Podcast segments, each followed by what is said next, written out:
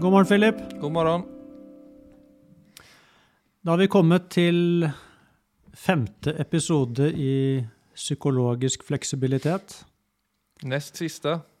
Ja, og i dag skal vi snakke om dette litt kronglete ordet kognitiv diffusjon. Ja, det må jeg være helt ærlig på at jeg faktisk fikk google. Ja, og det fant, fant du noe? Hva sa du? Fant du noe når du googla det ordet? Eh, jeg fant noe på det, ja. Ja, for det er jo faktisk ikke et ord. Det er et ord som de har funnet opp. Bare for å få en motsetning til ordet fusjon, som de jo fleste kjenner til. Da. At man ja fusjonerer. Ja, da. Nettopp. Fusion. At man smelter sammen forskjellige ting. ja for nå er det et norskt ord. Diffusjon. Eller det Ja, har blitt blivit etablert i, eh, i språket, eller i psykologin. For jeg så at det var en Ja. variant med de- diffusion, altså fusion, som fusion, og så en diffusjon med jod. Ja, ja, ja, det, ja, for det har jo oversatt et par av disse bøkene til norsk, og da har de brukt eh, kognitiv diffusjon på norsk. Men du vil aldri finne det i en ordbok, i hvert fall ikke de nærmeste 50 åra. Så det norske, det egentlige ordet er jo fisjon. Altså det er fusjon, og så er det fisjon. Men eh, uansett, da, så betyr det jo da altså kognitiv fusion. Det er litt viktig å forstå hva dette ordet eh, henspiller på. Det er jo når altså jeg eller min oppmerksomhet smelter sammen med tankeinnholdet mitt. Og det det betyr, det er at La oss si f.eks. at jeg eh, er i en eller annen situasjon, og så mestrer jeg ikke den situasjonen så bra. Og så Mm. kommer det bare en haug med tanker rundt min egen udugelighet. At jeg eh, ikke er bra nok, eh, at nå tenker de andre sikkert masse greier om meg, og så kommer det skam, og så fusjonerer jeg med alt det. Det vil si, da opplever jeg at disse tankene og følelsene er sanne beskrivelser om meg og om denne situasjonen og om virkeligheten. Mm. Og da gjør de tankene og følelsene veldig vondt. Ja, da kan det bli jobbigt. Ja, det blir jobbig. Tråkigt. Men så er det da Og dette er på en måte helt fantastisk når man oppdager dette altså for seg selv. Mm. Det er at det er ikke de tankene og følelsene i seg selv som gjør vondt, eller som egentlig er et problem. Det er det at jeg fusjonerer med dem, som er problemet. Mm. Og hvorfor fusjonerer du med dem? Fordi vi gjør det på automatikk. Ja. Vi, det gjør vi bare automatisk. Fordi vi har ikke Altså, vi har ikke lært å forholde oss til disse tankene og følelsene på andre måter enn å bare gå all in. Nei, men jeg ble også, jeg, altså varje, for jeg var på en middag i går, og så var det eh, for, för, alltså med et par, eller vennepar, og så var vi, vi snakket just om det å fusjonere. vi anvendte ikke det ordet da. eller defusjon heller for den saks skull, så der var det ikke etablert i, i rummet. Men da For de snakket om det at han ofte tenker på det, Altså sånn som om han skal duke av bordet då. Så som hon förklarade honom så tänker han nu tar jag tallriken och så sätter jag tallriken på köksön. Mm. Mens hun var mer sånn at hun gjør ting per automatik og er helt på et annet sted oppe i huvudet. Så att det fort, så at det fort gjort kan bli at hun liksom mister noe, eller eh, kanskje heller liksom vatten i, på bordet istället för glaset. Alltså vä, väldigt fort att hon liksom är ett annat ställe mentalt samtidigt som hon gör massa saker. Ja. Och då frågar de mig i det och så frågar de mig då om han så som han gör att han tänker nu lyfter jag tallriken, nu sätter jag den där så spurte de mig är det mindfulness? Och så sa de, ja, men det är nog en sån alla det vi snackar om nu då att det att tänka at du gjør noe, og det å være oppmerksom på at du gjør noe. To helt forskjellige ting. Er to litt ulike saker. Ja, helt forskjellig. Jeg tror det ligger altså i vår kultur også, så ligger det Vi bruker det tenkeordet litt ukritisk. Så det kan være greit å egentlig sjekke ut hva er det egentlig Altså for det folk, folk også sier når jeg altså lærer bort meditasjon til dem, så er det mange som sier altså jeg skal eh, nå sitte og tenke på pusten. Så sier jeg nei, nei, du trenger ikke tenke på pusten, du kan bare være oppmerksom på pusten. Og jeg tror ofte når de sier 'tenke på pusten', så mener de De klarer ikke helt å skille dette med å tenke på pusten eller være oppmerksom på pusten. Nei, og det er det jeg tenkte på det du sa med diffusjon, for det var egentlig det vi liksom landet i at Eller som jeg da forsøkte liksom sette et finger på. For at i hennes For man snakker jo så lite om det der med at vi har tanker i for at vi er våre tanker. Mhm. Men for henne så er tankene både tankene og oppmerksomheten. Alltså det er inget, det er inget skille på det. Så når jeg forsøkte å si ja men hva med å være liksom, At du er oppmerksom på tankene. så, så som å være oppmerksom på det du gjør, er jo kanskje mer å være i kontakt med sanserna. Altså det du mm. ser, det du kjenner. Og, og så videre. Og da er det jo så som at folk ofte får en sån, jaha, ja men så, så kan det jo være. det gir jo mening på en måte. Ja.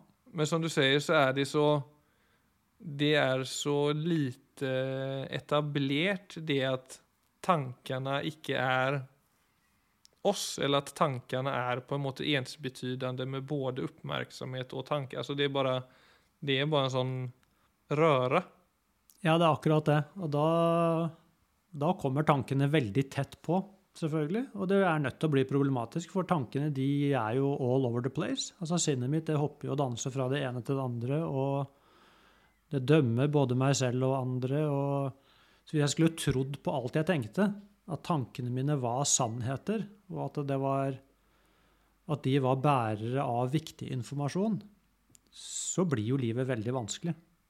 Mm.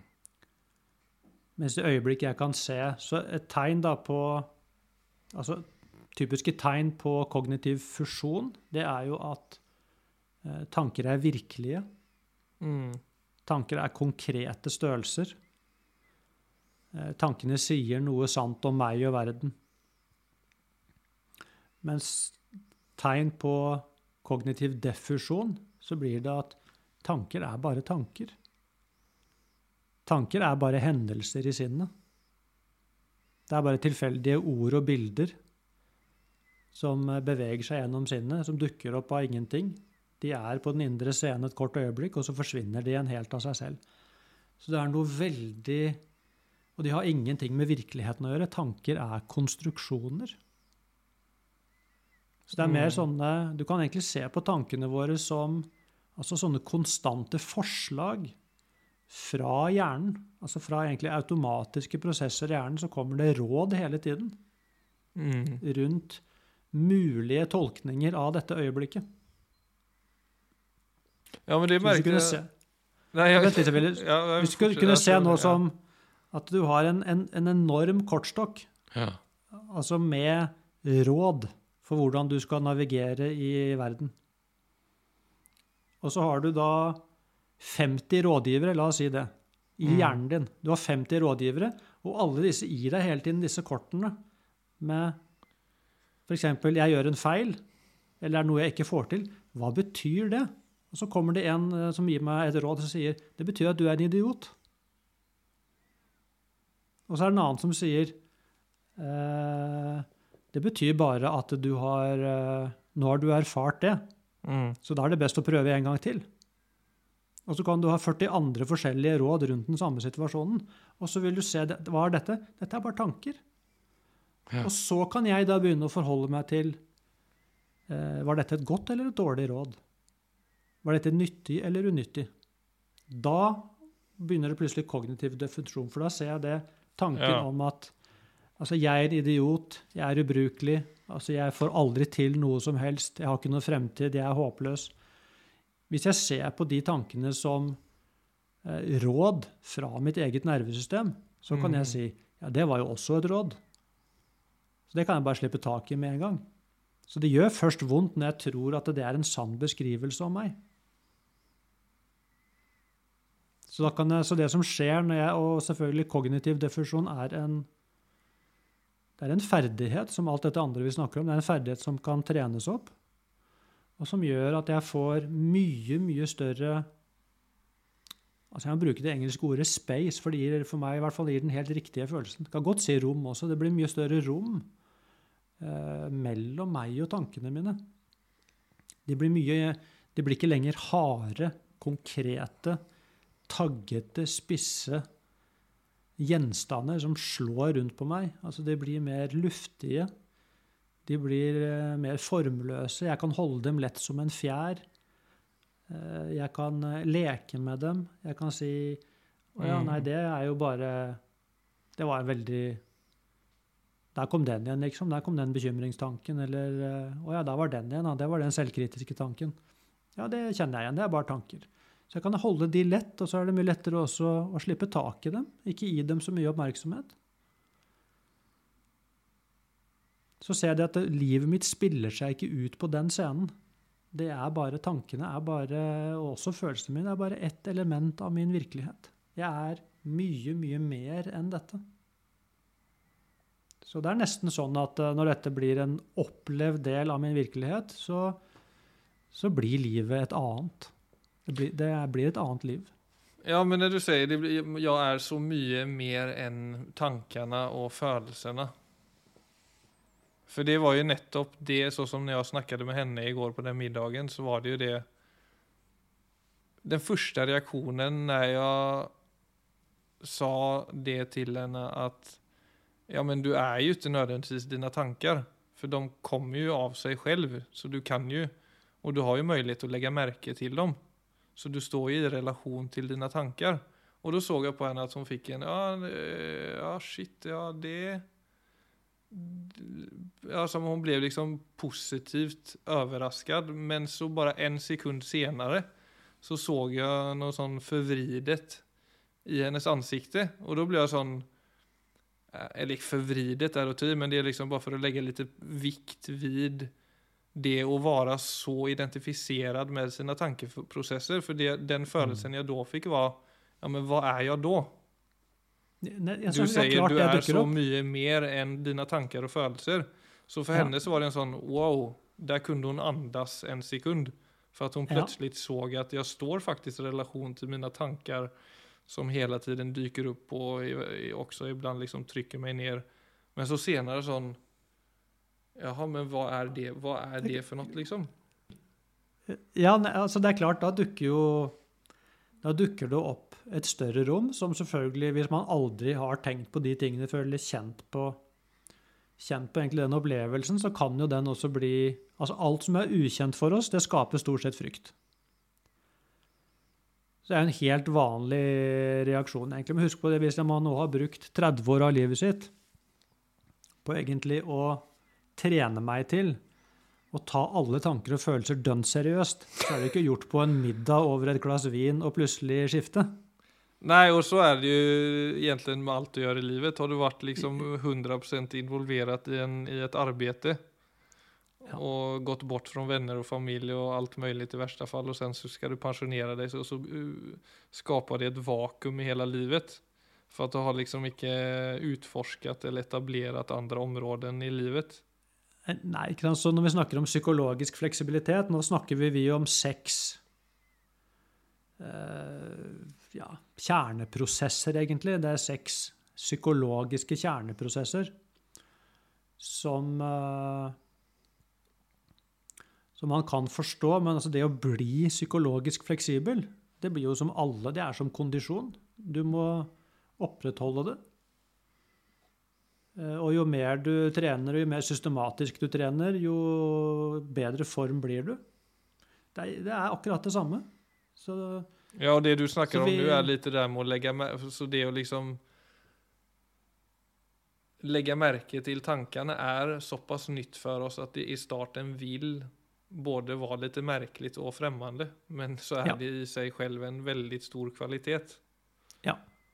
Jeg, jeg tror det jeg tror nok vi er på vei dit, at vi etter hvert blir At vi kommer til å ta det for gitt.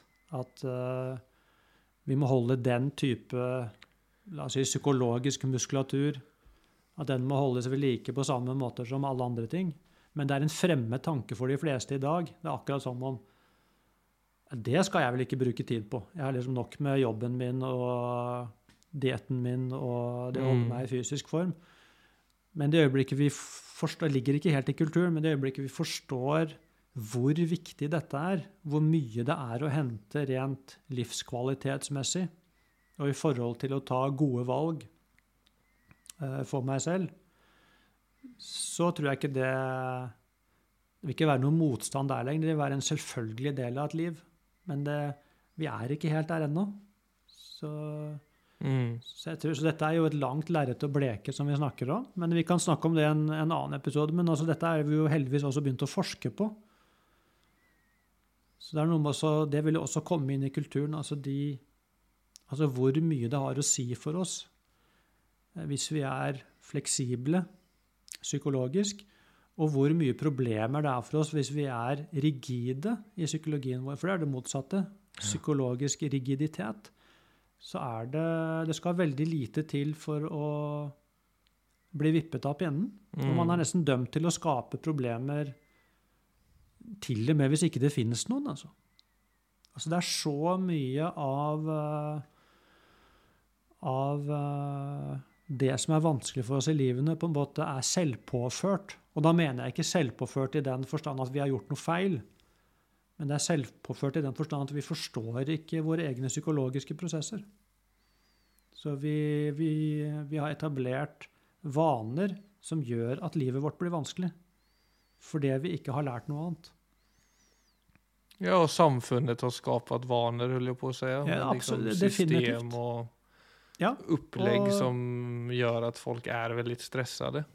ja for Jag tänker på det, det där med att folk, för det har ju varit en sån väldig ingång för många till mindfulness vet jag, att det är, man känner sig stressad.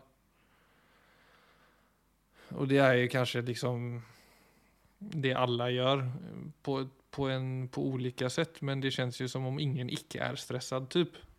Men det som är för exempel tacksam eller eh, sätta pris på det man gör, för, nu, för, för, för, för, att- för att ha- pröva att hålla det enkelt så har jag kjent känt det, det där stressen och oron som jag också personligen kan gå in i som försätter mig i ett sånt göre-modus. Mm. Att jag söker kanske kickar eller jag söker, alltså jag, det är precis som om det är någonting som drar i mig som liksom lyfter mig upp och vill liksom sätta igång, sätta igång med ting och det kan också vara aktiviteter som kan vara givande.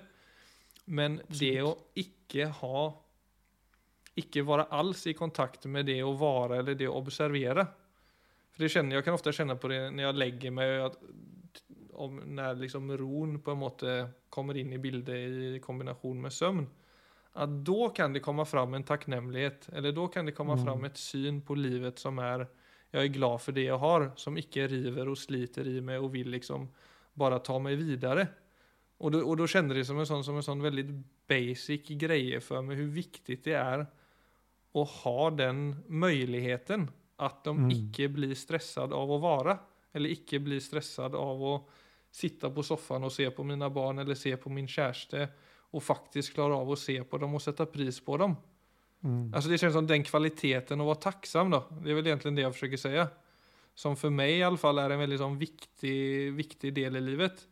Det Så- kan jag icke vara, det, det kan jag icke komma i kontakt med när jag bara är i aktivitet. Den kvaliteten blomstrar bara när jag klarar av att observera, om jag ska uttrycka det så. Utan att jag blir Absolut. stressad av det. Ja. Förstår du vad jag menar? Altså, Ja, jeg forstår veldig godt hva du mener. Jeg tror at eh, disse mer stille følelsene, altså som takknemlighet og eh, tilfredshet over eh, rett og slett bare det å eksistere, det alt det blir jo stort sett skjøvet bort. Altså blir skjøvet bort fra den psykologiske scenen. Av alle gjøremålene og alle kravene og alle forventningene.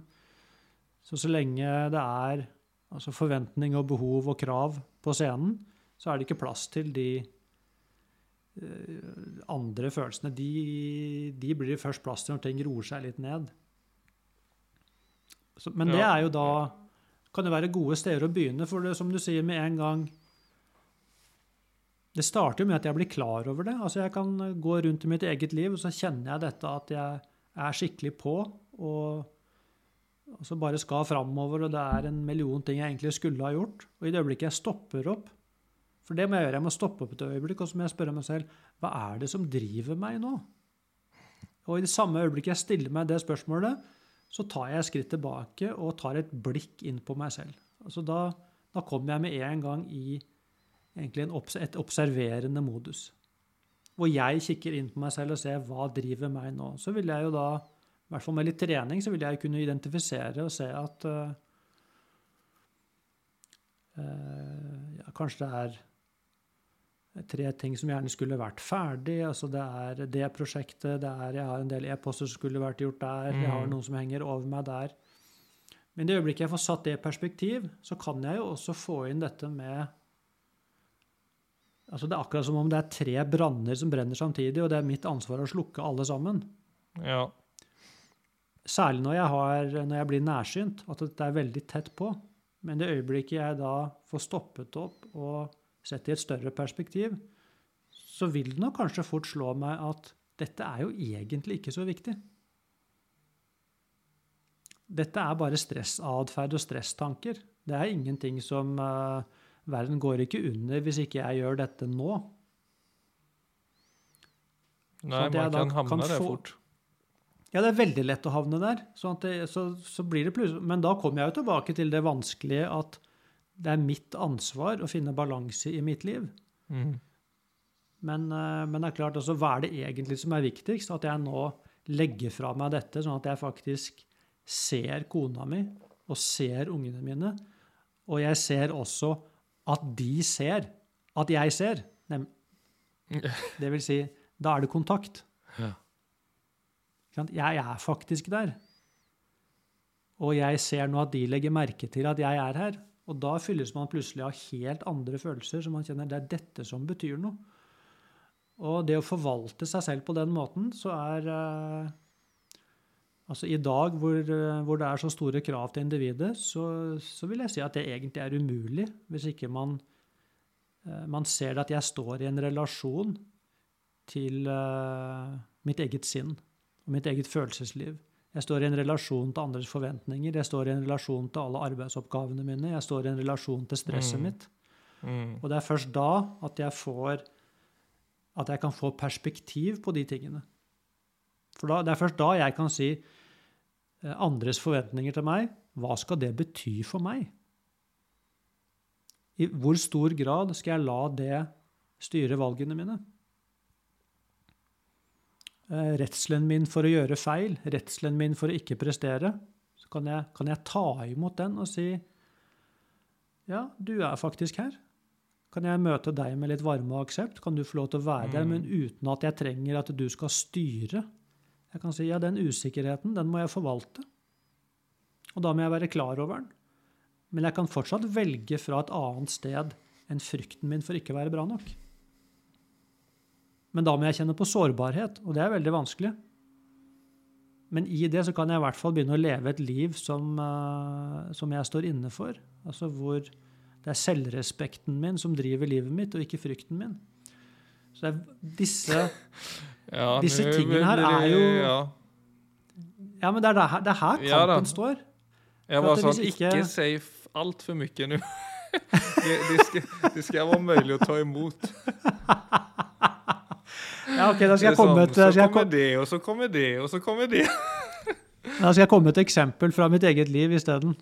Det kan være at det er jeg som er litt uh, har sånn barnetåke. Så jeg får med, det kan være at folk sitter der ute og er knivskarpe og fylles av all mulig energi nå. Jo da, men det er klart det er en grunn til at vi ikke gjør disse tingene. Og det er jo, det er jo utfordrende å bli sjef i eget liv. De fleste ja, sier ja, selvfølgelig vil jeg være sjef i eget liv, for det høres fint ut. Ja. Men å være sjef i eget liv betyr jo også at jeg tar ansvar for mitt eget liv. Og det er ikke så enkelt. Det er, det, er, det er, på en måte mye enklere å si åh, jeg vet ikke, kan ikke du bare velge for meg?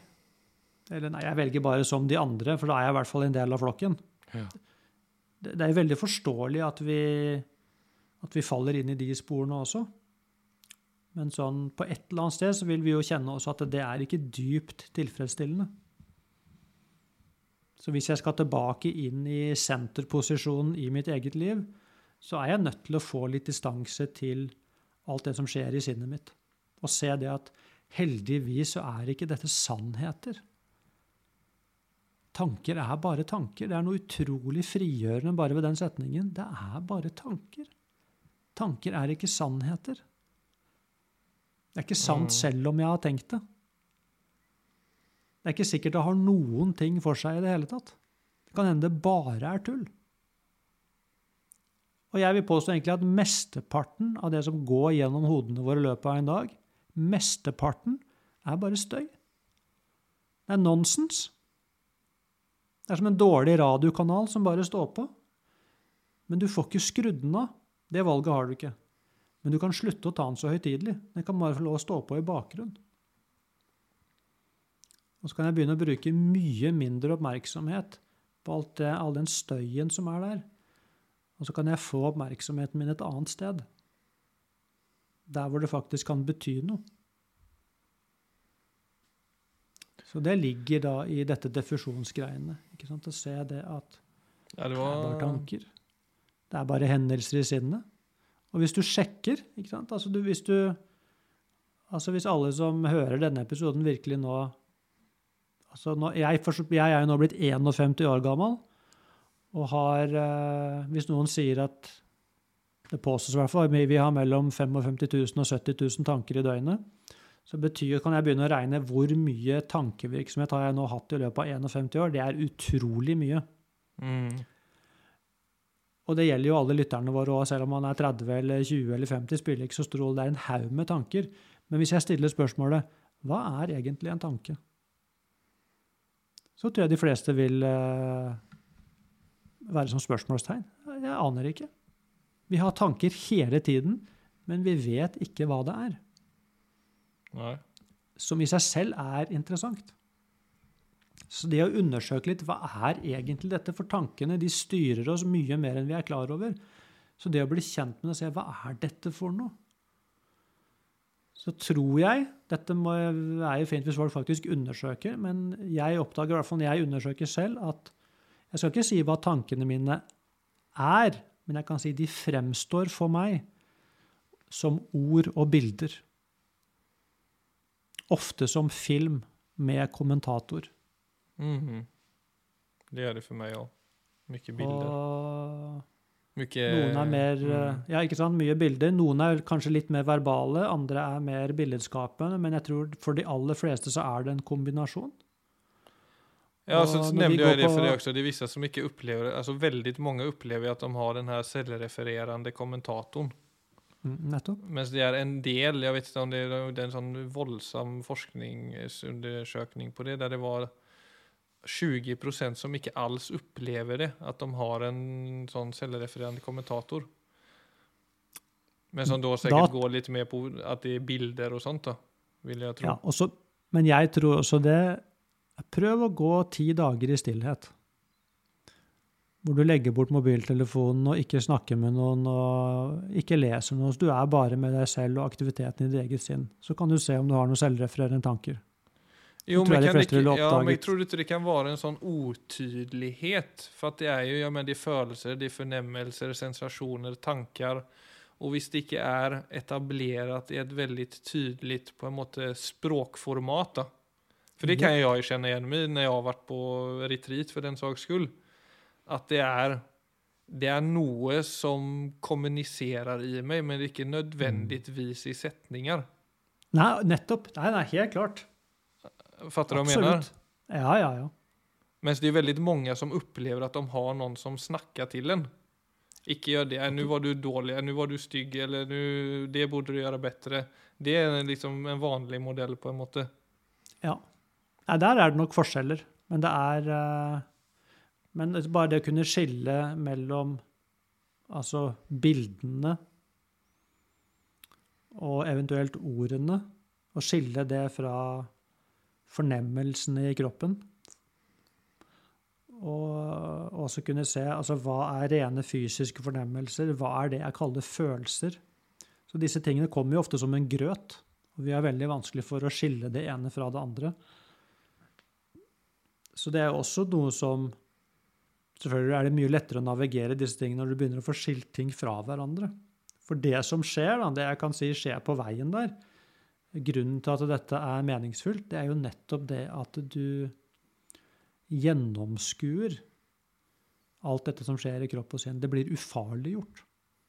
Det er det som er det fantastiske med når du blir kjent med det og ser det for det det er, så blir det helt ufarlig.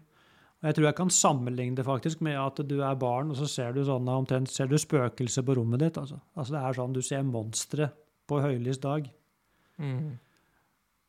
Og så ligger, legger du det bare under senga og skjelver. Og så er det en dag så finner du motet til å undersøke hva dette er for noe. Og så ser du at dette bare er eh, Så ser du en sånn der eh, prosjektor, og så ser du et lerret. Og så ser du bare lys som går gjennom et bilde, og så ser du herregud, dette er jo dette er et lysbilde. Mm. Det er akkurat den samme tingen du ser, men du har sett hva det egentlig er. Og så er det jo da, og det blir du selvfølgelig ikke redd for. Da, da kan du le deg i hjel av det samme fenomenet. Sånn er det med tanken og følelsen òg. Ting som i dag kan være kan rive meg i stykker, altså rive livskvaliteten min i stykker, vil du faktisk kunne le av når du ser det for det det er. Men da må du bli kjent med det. Ja, men jeg har jo, for, altså for meg har det vært veldig, en veldig tydelig situasjon som har uh, egentlig speilet det. For siden vi fikk barn, så har jeg slitit med søvnen, som du vet. Og det gjør jeg fortsatt til tider. Og har fått en anstrengt relasjon til det. Og så, og så har jeg hele tiden gått rundt og tenkt liksom at søvnen er et problem. Jeg har en anstrengt relasjon til søvnen altså alt med søvnen er bare det er et hot mot min existens, bottom line. Mm. Men så, så vet ikke når det var, men det var liksom noen uker siden eller et eller annet, så, så slo det meg Og det var ikke sånn at dette var liksom frigjørende i det at jeg ikke lenger eier frykt rundt søvnen, men det var veldig på det vi snakker om nå. For det er sånn Er søvnen et problem? Altså er det så at jeg har et søvnproblem, eller er det så at jeg har et, en anstrengt relasjon til mine tanker kring søvnen? Mm. Det vil jeg si er et veldig godt spørsmål. Og da blir jeg sånn Ja, hvis jeg Og det er jo og da jeg jag har jo veldig mye hva skal man si, anstrengte tanker kring søvnen, Men jeg sovner jo varje, mm. jag somnar ju och jag sover ganske gjennomgående når jeg vel sover. Mm.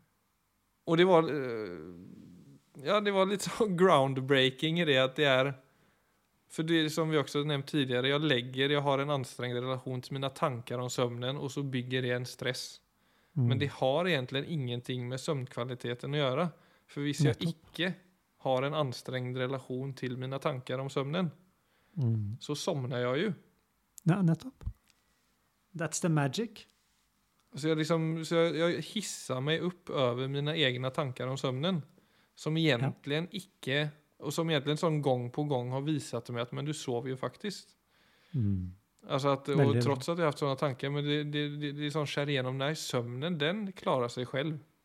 Mm. Den, den, sånn kom, den eh, som han Viktor Frankl sa at det er en duva eller hva det var han sa som kommer til din axel Og visst du, så lenge du ikke gir den noen oppmerksomhet, så flyger den inte iväg. Mm. Og, og det, er jo, det er jo nettopp det at det er jo Og jeg, den her boken 'Why We Sleep' Han sier også det så som Han går veldig langt tilbake i historien innan medvetandet ble vakent. da.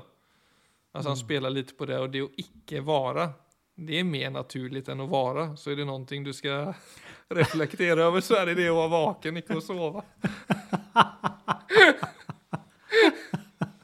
Så hvis du syns det er eksistensielt liksom, ubehagelig å gå fra vaken til søvn, så kan du heller tenke på de andre. Det er en god i hvert fall en god eksponering. Ja, så det er også det er interessant, klart, for det, det her er jo som, som slo meg liksom i forlengning av det, for når du sover, når du går fra sø fra sovende til vaken, den eh, overgangen skjer jo helt knirkefritt. Mm. Den skjer jo bare. Ja. Och det är egentligen exakt lika naturligt för kroppen att gå från vaken till att sova. Bara där har vi bitte lite mer påverkningskraft. Ja. Som komplicerar den processen. Ja, helt klart. Och det är också intressant i det att liksom se på det sånt, men när du sover och går till vaken, den processen får lov att gå av sig själv, för där är ikke du og fingrar. Ja. Alltså, men eh, altså- ja, så det är liksom sånn tankene har ingenting kan- med virkeligheten å gjøre nødvendigvis hva gjelder min søvnsituasjon. Enda har jeg sovet ekstremt jævla dårlig til tider under fire år.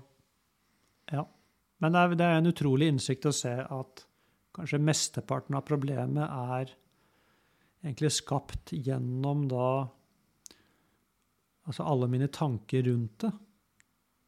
Altså det er det at sinnet driver Det er sinnet som gjør det til en greie. Mm. Og som skaper så mye tension og så mye stress rundt det, som selvfølgelig skaper negative spiraler og definitivt da påvirker søvnkvaliteten. Etter hvert så begynner man jo å grue seg til å legge seg, for man vet herregud, nå skal jeg legge meg ned og ligge der og, Mm. og stresse. Ja. Så, og sånn er det med de fleste ting. Og det er en eh, Og jeg tror i, i det vi snakker om nå, så tror jeg igjen da, det er veldig viktig å å gå ut av et sånn prestasjonsmodus, egentlig ut av å, at det er noe man skal fikse eller ordne opp eller få til, men å gå inn med nysgjerrighet. Altså nysgjerrighet, årvåkenhet, undersøkelse. Selvfølgelig også mykhet, aksept, varme, selvkjærlighet. Altså alle de tingene der er veldig viktige holdninger. Hvis jeg kan ta med de inn og så rett og slett bli nysgjerrig på mitt eget sinn, eh, hva sinnet holder på med, og ikke minst hvordan det påvirker livskvaliteten min og selvbildet mitt og motet mitt og selvfølgelig frykten min og unnvikelsen min og alt sammen. Altså, at veldig mye av dette, om ikke alt, Mm. er det sinnet selv som skaper. Så er det I det så ligger det enorme muligheter selvfølgelig for For da blir det på en måte så Det er egentlig ingen grenser da for hva jeg kan få til i mitt liv, når jeg først skjønner det. For da er det en helt åpen horisont. Alle disse tingene som hindrer meg, er ikke betongvegger. Det er tanker og følelser. Jeg har ikke håndjern på meg. Jeg er et fritt menneske. Jeg er fri til å egentlig gjøre hva jeg vil. Hva er det som holder meg tilbake? Så begynner sinnet å lage historier. Så sinnet er en storyteller. En skikkelig kreativ trickster. Og som jeg kan, som jeg kan få et godt forhold til. Det er mulig å få et godt forhold. Det er mulig å bli bestevenn med sitt eget sinn. Men først må jeg da se at jeg står i en relasjon til det. Og så kan jeg begynne å gjøre det til en eh, til en god, ja, altså myk, humoristisk relasjon. Og det interessante også- er at det kommer jo ofte litt liksom kloke råd ut av ingenting, eller utifrån ingenting, som precis som de har fått plass tidligere. Yes, det er, det er akkurat det. Og da kommer plutselig the wise mind, eller det kloke sinnet. For det er jo der også. Så tror jeg du vil se på et eller annet tidspunkt at jeg er ikke sinnet mitt, men sinnet er et instrument som jeg har til rådighet. Og det er et fantastisk instrument eh, på en del områder i livet. Men det er bare ett av instrumentene mine. Det funker veldig bra til å planlegge, til å løse problemer, til å Altså til å utføre praktiske, tekniske ting. Funker utrolig dårlig til å finne ut av meg sjøl.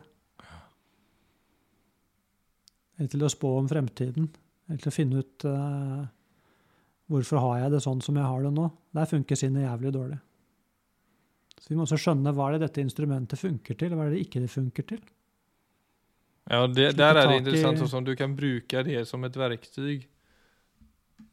Mens det å som jeg opplever det, det å liksom prøve å finne ut av ting med meg selv, Det er ingenting som jeg behøver finne ut av. Det er mer sånn, som du sier, når man etablerer den relationen til tanker og følelser, så er det akkurat som om man sitter på svaren. Ja, helt klart. Altså, og det då, då rara kommer det av seg selv. Så det er sånn, ja du kan fikse på masse ting der ute. Men så lenge du låter det selv være på den måten da. Ja. Så kom, Ja, ikke sant? Hvis jeg skal reparere sykkelen min, så er jo sinnet et fantastisk instrument. Hvis, skal, hvis jeg skal finne ut av hvem jeg er, så finner jeg mye bedre ut av det i stillhet. Der er sinnet mitt helt ubrukelig.